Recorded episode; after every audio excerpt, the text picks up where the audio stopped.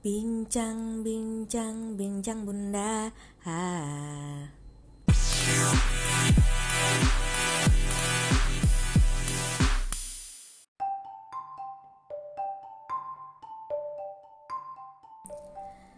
Kadang lebih baik menjadi pemuja rahasia dibandingkan mengungkapkan perasaanmu dengan risiko ditolak. Itu kalau kamu masih single ya. Tapi gimana kalau kamu sudah punya pasangan? Menurutku sih, jadi pemuja rahasia adalah pilihan yang terbaik. Oke, hari ini di podcast Bincang Bunda bakal ngobrolin menjadi pemuja rahasia saat masih single vs menjadi pemuja rahasia saat sudah menikah. Wah, siap mendengarkan?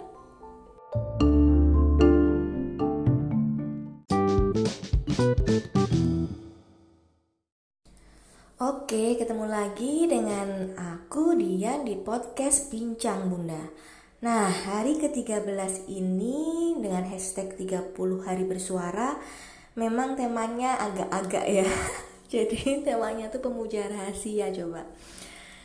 Sebagai podcast keluarga, aku agak bingung nih mau ngomongin tentang apa, tapi udah kepikiran sih, uh, yaitu tadi bakal ngomongin Bedanya jadi pemuja rahasia atau punya pemuja rahasia saat kita belum menikah vs saat kita sudah menikah.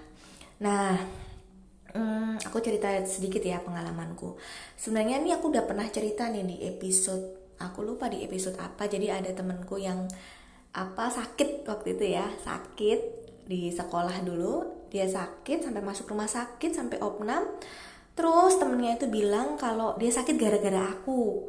Nah aku bingung kan, padahal aku tuh gak pernah ngobrol sama dia. Nah itu sepertinya sih bisa dikategorikan sebagai pemuja rahasia karena dia memang, uh, maksudnya aku tidak melihat tanda-tanda gitu ya. Gak tahu aku tuh kalau dia tuh uh, punya perasaan atau suka gitu sama sekali gak kelihatan. Padahal mungkin dia diam-diam mengawasiku dari jauh. Kayak banget ya. Terus ada satu lagi nih, waktu ini aku kenapa masih ingat karena itu terjadi di titik terendah dalam hidupku, titik balikku waktu remaja dulu. Waktu aku kecelakaan itu kan uh, beberapa orang kayak menjauh gitu loh. Jadi ya kayak nggak peduli. Padahal aku pikir ada satu dua orang yang mereka akan sangat khawatir gitu ya, akan sangat peduli dengan keadaanku ketika aku kecelakaan dan sampai patah tulang seperti itu, sampai di di, bukan cuma di gips sampai di operasi pasang pen gitu kan. Sampai nggak bisa masuk sekolah berminggu-minggu. Ah babak belur lah pokoknya belum lebam-lebam di mana-mana. Aku pikir um, mereka akan jadi orang yang peduli. Ternyata enggak dong. Terus dari situ justru malah muncul orang-orang yang aku nggak tahu selama ini kalau mereka itu peduli. Jadi ini ada contohnya ya. Ada yang tiba-tiba tuh SMS aku nanyain keadaanku pokoknya ngasih motivasi motivasi dan semangat kayak gitu. Padahal aku nggak tahu dia yang mana orangnya. Aku itu sekelas ya sekelas. Kan 40 orang ya banyak kan. Nggak semuanya tuh uh, pernah ngobrol gitu. Aku belum tentu pernah ngobrol sama semua teman-temanku di kelas. Termasuk orang ini. Aku tuh nggak tahu dia tuh yang mana. Ya gitu ya jahat ya aku padahal orangnya tuh ternyata setelah aku lihat wah ini orangnya sebenarnya lumayan gitu kan. Tinggi cakep gitu terus terlihat baik. Tapi aku nggak kenal dia. Nah dia baru muncul itu uh, ketika aku dalam kondisi nggak bagus gitu terpuruk gitu dia baru muncul sebagai seorang hero gitu kan. Nah itu salah satunya. Hmm, terus ada juga yang tiba-tiba datang ke tempat fisioterapiku. Jadi waktu itu aku terapi di salah satu rumah sakit swasta di Yogyakarta terapi fisioterapi. Jadi uh, kekuatan tangan mengembalikan fungsi tangan kayak gitu ditekuk-tekuk dilurusin. Walaupun akhirnya sekarang sampai sekarang tuh masih belum bisa nekuk 100 berapa derajat ya. Harusnya kan lebih dari 90 derajat. Tapi tangan kananku tuh cuman bisa nekuk 90 derajat doang. Lurus lurus juga gitu. Harusnya kan lurus 180 derajat tapi aku enggak masih kurang sekitar 45 derajatan lah dan itu tuh sakit banget fisioterapinya dan harus berapa kali ya seminggu ya kalau nggak tiga atau dua kali seminggu tuh aku harus ke sana. Selama berbulan-bulan. Nah, terapisku itu bilang ada yang nyariin aku tapi nggak ketemu. Dan dia bawa makanan gitu. Terus nanyain siapa cowokmu? Ya padahal aku gak punya cowok. Terus aku bilang aku nggak tahu siapa gitu. Karena memang nggak ada yang ngabarin aku kalau dia mau datang gitu It, ya itu memuja rahasia sih ternyata. Akhirnya ketahuan juga sih walaupun dia nggak bilang. Akhirnya ketahuannya itu karena dia datang ke rumah bawain makanan juga. Jadi aku menduga bahwa oh ini yang datang ke rumah sakit nih gitu. Terus ada juga yang waktu pengumuman kemarin aku sempat cerita ya pengumuman uh, ujian masuk UGM aku udah pasrah nggak bakal lolos gitu ya di hari itu tuh ada temanku yang telepon aku terus nanyain keadaanku terus nanyain aku lolos atau enggak tapi dengan gaya bahasa yang berbeda dari biasanya. Padahal orang ini tuh nggak pernah nelfon aku gitu loh. Tapi di situ dia kayak nunjukin perhatiannya. Nah, aku dari hari itu aku tahu bahwa oh ini orang nih kayaknya jadi pemuja rahasia aku selama ini kok dia tahu sepak terjangku, tahu kondisiku, dia tahu keadaanku. Padahal aku nggak pernah cerita ke dia.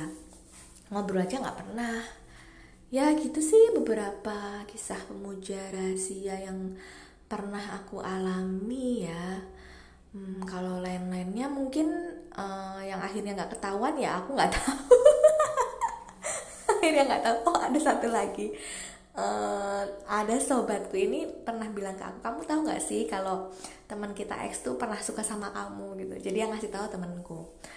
Terus uh, aku bilang hmm, ya tahu-tahu enggak sih? Maksudnya aku ngerasa ngerasa dia punya perasaan yang beda tapi aku pura-pura nggak tahu gitu lebih ke situ. Kenapa? Karena karena aku nggak mau merunyamkan atau memperburuk uh, hubungan persahabatan menghancurkan persahabatan kami gitu ya karena memang aku biasa aja sama orang itu lain ceritanya kalau aku juga suka ya. Tapi di sini kan aku membuat batas ya temen ya temen. Kalau orang yang aku suka ya aku suka gitu. Jadi karena aku nggak mau merusak persahabatan kami aku pura-pura nggak tahu dan aku nggak akan mengorek-ngorek memancing-mancing atau mencari tahu. Ya aku bilang gitu ke sih ke sobatku ke sobat cewekku oh iya aku cuma pura-pura nggak tahu. Oh ya kok bisa? Gitu kan. Iya dia tuh udah suka sama kamu dari dulu gini gini gini gini. Tapi karena kamu akhirnya jadian sama orang lain gini gini gini ya udah jadinya dia nggak berani bilang gitu. Terus aku cuman oke. Okay. tapi ya sampai sekarang kita tetap temenan loh dan dia emang nggak pernah bilang maksudnya nggak pernah mengungkapkan uh, perasaannya dulu nggak pernah mengakui kalau dia dulu pernah suka gitu. Dan mungkin setelah kejadian itu ya pasti dia udah ketemu dengan berbagai dengan perempuan cewek-cewek lain gitu ya dan akhirnya uh, udah nggak suka sama aku lagi gitu. Dan ya aku senang sih maksudnya dengan dia tetap menjadi pemuja rahasia itu hubungan pertemanan kami tetap langgeng gitu dibandingkan nanti kalau dia mengungkapkan terus aku tolak terus jadi canggung gitu kan malah nggak enak ya. Walaupun ada sih teman-temanku yang aku tolak. Jadi mereka bilang tapi aku tolak. Aku cuman bilang bahwa kamu tahu kan yang aku sukai siapa? Ya udah kita temenan aja ya. Untungnya mereka bisa menerima dan tetap mau temenan sama aku. Walaupun aku nggak tahu ya uh, mungkin ngerasa canggung nggak enak atau gimana. Tapi kalau aku sih biasa aja ngerasanya. Gitu. Terus nah gimana dengan pemuja rahasia ketika kamu sudah berpasangan? Terlebih-lebih ketika sudah menikah. Dengarkan sesaat lagi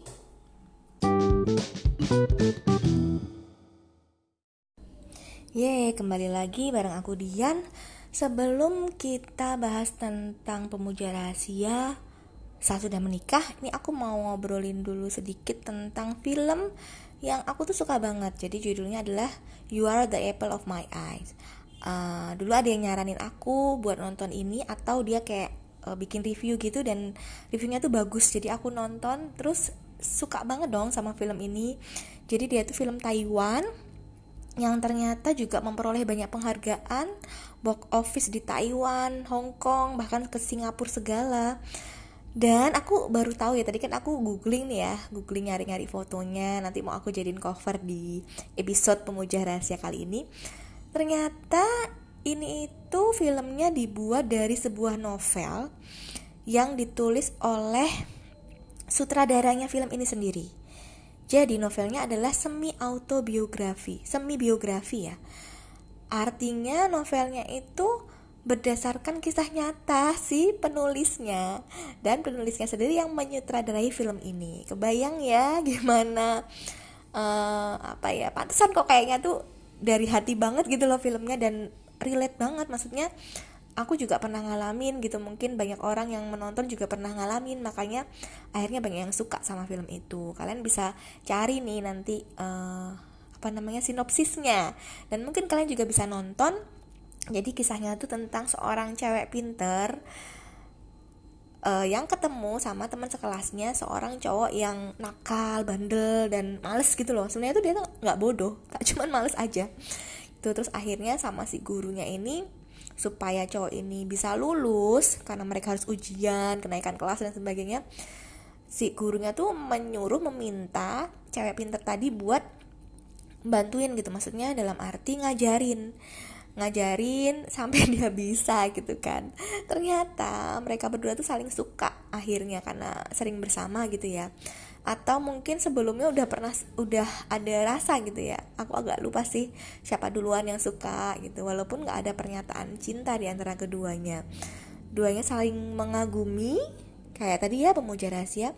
Saling mengagumi satu sama lain. Yang satu mengagumi kalau cewek itu cantik pintar nyaris sempurna gitu kan. Tapi tetap baik sama orang-orang yang seperti cowok tadi yang begajulan nakal nggak jelas gitu terus si cewek tadi juga ternyata kagum sama cowok nakal yang ternyata dia punya daya juang punya kemauan untuk belajar mau mm, ya berjuang tadi gitu demi sesuatu yang uh, sebenarnya dia males gitu kan males dan nggak terlalu pingin untuk belajar tapi akhirnya dia berjuang demi bisa lulus. Aku nggak tahu ya itu keinginan orang tuanya mungkin ya supaya anaknya bisa lulus atau keinginan gurunya. Gimana caranya supaya di, supaya dia bisa uh, bagus gitu nilai-nilainya. Walaupun akhirnya ya aku spoiler nggak ya? Akhirnya itu oh, menyedihkan. Jadi si cowok ini tuh tetap menjadi pemuja rahasia sampai akhirnya cewek tadi menikah dengan orang lain. Nah itu ya. Jadi akibatnya kalau misalnya kamu jadi pemuja rahasia saat single saat si cewek tadi masih single ya kamu harus rela dan siap-siap kalau akhirnya orang yang kamu puja tersebut bakalan diambil sama orang lain yang berhasil mengungkapkan dan diterima gitu kan. Ya kamu tinggal pilih kamu mengungkapkan dengan resiko ditolak atau bisa diterima atau kamu cuman selamanya melihat dia dari jauh dengan resiko dia sudah pasti diambil orang. Nah, pilihannya gampang ya sebenarnya ya. Pilihannya adalah berani. Hmm, apalagi kalau kamu cowok ya. Ya berani aja sih kan paling ditolak doang kan. Gak terlalu menyakitkan gitu dibanding kamu lihat dia masih memujanya terus akhirnya juga sama orang lain sama aja akhirnya kan endingnya sama aja. Jadi kalian uh, coba deh nonton film itu bagus banget. Terus lagunya tuh juga enak didengerin. Ini bahkan sampai dibikin di Jepang gitu ya jadi dengan diadaptasi filmnya oleh Jepang dengan judul yang sama You Are the Apple of My Eye dan meledak juga. Kan ya? Hmm, udah film lama sih udah film lama tapi masih banyak yang nonton kayak legenda gitu jadinya. Oke setelah ini kita bahas tentang pemuja rahasia saat sudah menikah.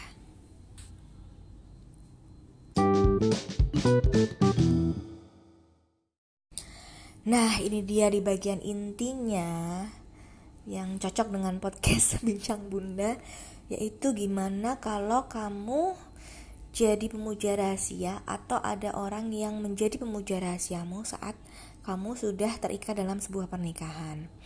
Nah, menurutku sih itu pilihan yang terbaik ya dibanding kamu mengambil langkah lainnya seperti mengungkapkan perasaanmu, terus akhirnya berselingkuh atau termasuk ya, termasuk akhirnya menikah siri dengan orang lain, dengan orang itu menjadikannya um, istri kedua, ketiga, ya aku bukannya nggak ngebolehin ya, maksudnya kan dalam agamaku sendiri itu dibolehkan menikah sampai empat kali ya empat istri gitu. Tapi kan hati manusia nggak ada yang tahu dia itu menikah niatnya tuh apa. Apakah benar ingin menolong ataukah benar karena ada hal-hal tertentu dalam rumah tangga yang hanya bisa diselesaikan dengan punya istri lagi. Kayak misalnya memang istrinya yang menyuruhnya dan mengizinkannya karena si istri ini sakit misalnya kayak sinetron ya.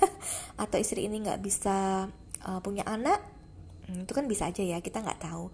Tapi kalau kalau ternyata menikah laginya itu hanya karena menuruti hawa nafsu, tidak bisa menjaga pandangan, tidak bisa menjaga kemaluannya dan bersembunyi di balik hmm, poligami gitu ya, bersembunyi di balik nikah siri, nikah sah di mata hukum juga ya. Itu kayaknya hmm, uh, menurutku aku bingung nih mau mengungkapkan dengan kata apa ya. Ya betting sih sesuatu yang nggak baik buruk gitu ya mendingan dia tetap memuja aja secara rahasia tanpa harus menyakiti istri pertamanya.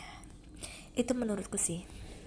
Jadi uh, karena memang nggak dipungkiri selama sekian puluh tahun pernikahan itu mungkin aja kita pernah suka sama orang lain gitu.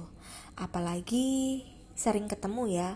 Kayak misalnya teman kerja rekan kerja atau tadi ya seringnya kalau misalnya jadi CLBK gitu di reuni itu mungkin terjadi kan. Tinggal pilihannya adalah kamu pendem kamu alihkan dengan hal-hal lain dengan melihat kelebihan istrimu atau mau kamu suburkan perasaan itu. Mau kamu siram mau kamu pupuk kamu kasih air gitu ya sampai tambah subur.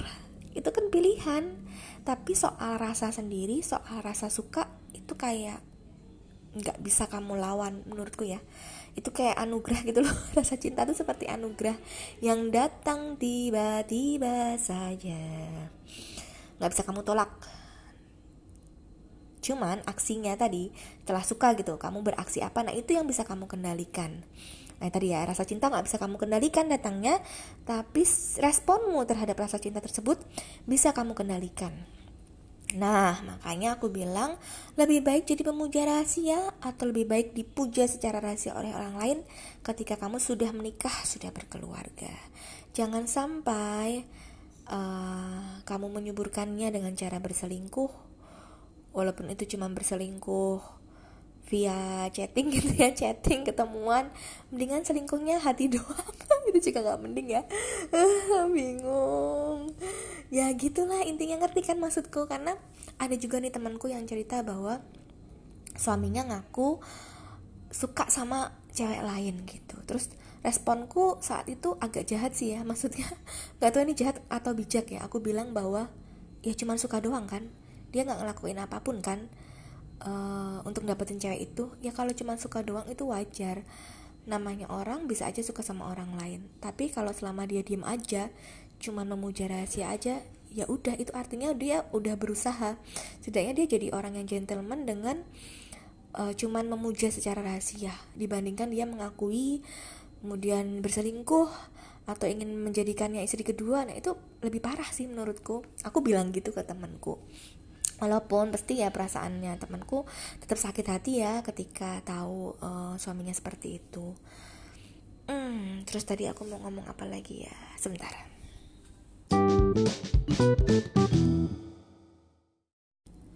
Oh iya ini jadi memang ada yang namanya puber kedua biasanya di usia 40 tahunan.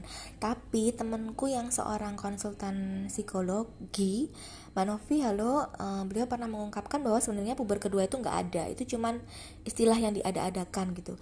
Iya uh, kenapa bisa gitu? Karena umumnya eh, orang-orang uh, terutama laki-laki ya di usia 40 tahunan itu mereka sudah lebih mapan, sudah mapan terus secara fisik tuh lebih mature gitu kan. Artinya penampilannya tuh udah mendingan dibanding saat dia masih susah dulu gitu kan. Yang tadinya kurus cangkring dekil gitu. Di usia 40 tahun biasanya mereka lebih charming bersinar. Terus bajunya juga bagus perlente berkarisma. Nah itulah kenapa di usia-usia 40 yang sangat amat rawan itu akhirnya banyak cewek-cewek atau perempuan-perempuan lain yang nempel terus tergoda deh. Terus disebut sebagai puber kedua. Atau mungkin tadi si cowok mapan dan berkarisma ini merasa gitu ya wah aku sekarang udah ganteng udah banyak duit gitu. Terus dia ngerasa bisa dapetin siapa aja yang dia mau. Dan menyalahkan puber kedua. Padahal itu nggak ada yang namanya puber kedua. Yang ada adalah seseorang yang sudah bagus tadi ya secara penampilan fisik secara materi dan harusnya diikuti dengan uh, kedewasaan secara mental juga mental dan psikis. Artinya harusnya di usia itu ya dia sudah saatnya membahagiakan keluarganya dong. Siapa istri yang menemaninya sejak masih nol sejak masih susah? Nah itu yang harusnya dia bahagiain bukan dengan uh, mencari orang lain di luar pasangannya nah itu tadi terkait dengan Kenapa sih aku bilang bahwa lebih baik jadi pemuja rahasia di saat kamu sudah menikah, sudah berkeluarga. Begitu juga ketika kita dipuja secara rahasia oleh orang lain oleh seseorang. Ya udah terima aja tanpa kita perlu mancing-mancing gitu. Uh, misalnya ada temanku yang ngomong bahwa eh kamu tuh ini loh disukai loh sama si A si B gitu kan ya jawabnya lempeng aja. Oh ya um, ya bagus lah bagus lah oh ya ya nggak apa-apa sih asal asal nggak mencampuri rumah tanggaku. Jahat banget ya. Ya gitu intinya nggak usah lah kita korek-korek atau pancing-pancing. Kenapa dia suka sama aku? Terus kenapa dia nggak bilang? Ah gitu kan cari masalah namanya. Ya kan bener kan cari masalah. Uh, kayaknya segitu dulu ya tentang pemuja rahasia episode 13 di 30 hari bersuara ini cukup ini ya menguras hmm, emosi jiwa raga. Karena kalau membahas tentang selingkuh di saat sudah menikah itu terlalu banyak cerita tentang itu yang bikin sedih. Walaupun sudah tahun pernikahan ke 10 15 20 itu tetap aja bisa terjadi. Ya seperti aku melihat ah juicy ah juicy di drama Korea yang mereka itu lebih ganteng ketika udah berumur 30-an, 35-an. Ya itulah. Mungkin perempuan-perempuan single itu juga melihat suamimu seperti itu. Lebih ganteng saat sudah mapan dan sudah dewasa dibandingkan saat masih pi, saat masih kucel. Jadi jagalah ya para istri jagalah laki-lakinya dari perempuan-perempuan yang menyukainya uh, yang mujanya secara rahasia terus jadi terang-terangan begitu terima kasih sudah mendengarkan sampai akhir sampai ketemu lagi esok hari dan jangan lupa DM aku di Instagram at podcast bincang bunda untuk sharing atau komentar tentang episode berapapun di podcastku. Terima kasih. Wassalamualaikum warahmatullahi wabarakatuh. Bye.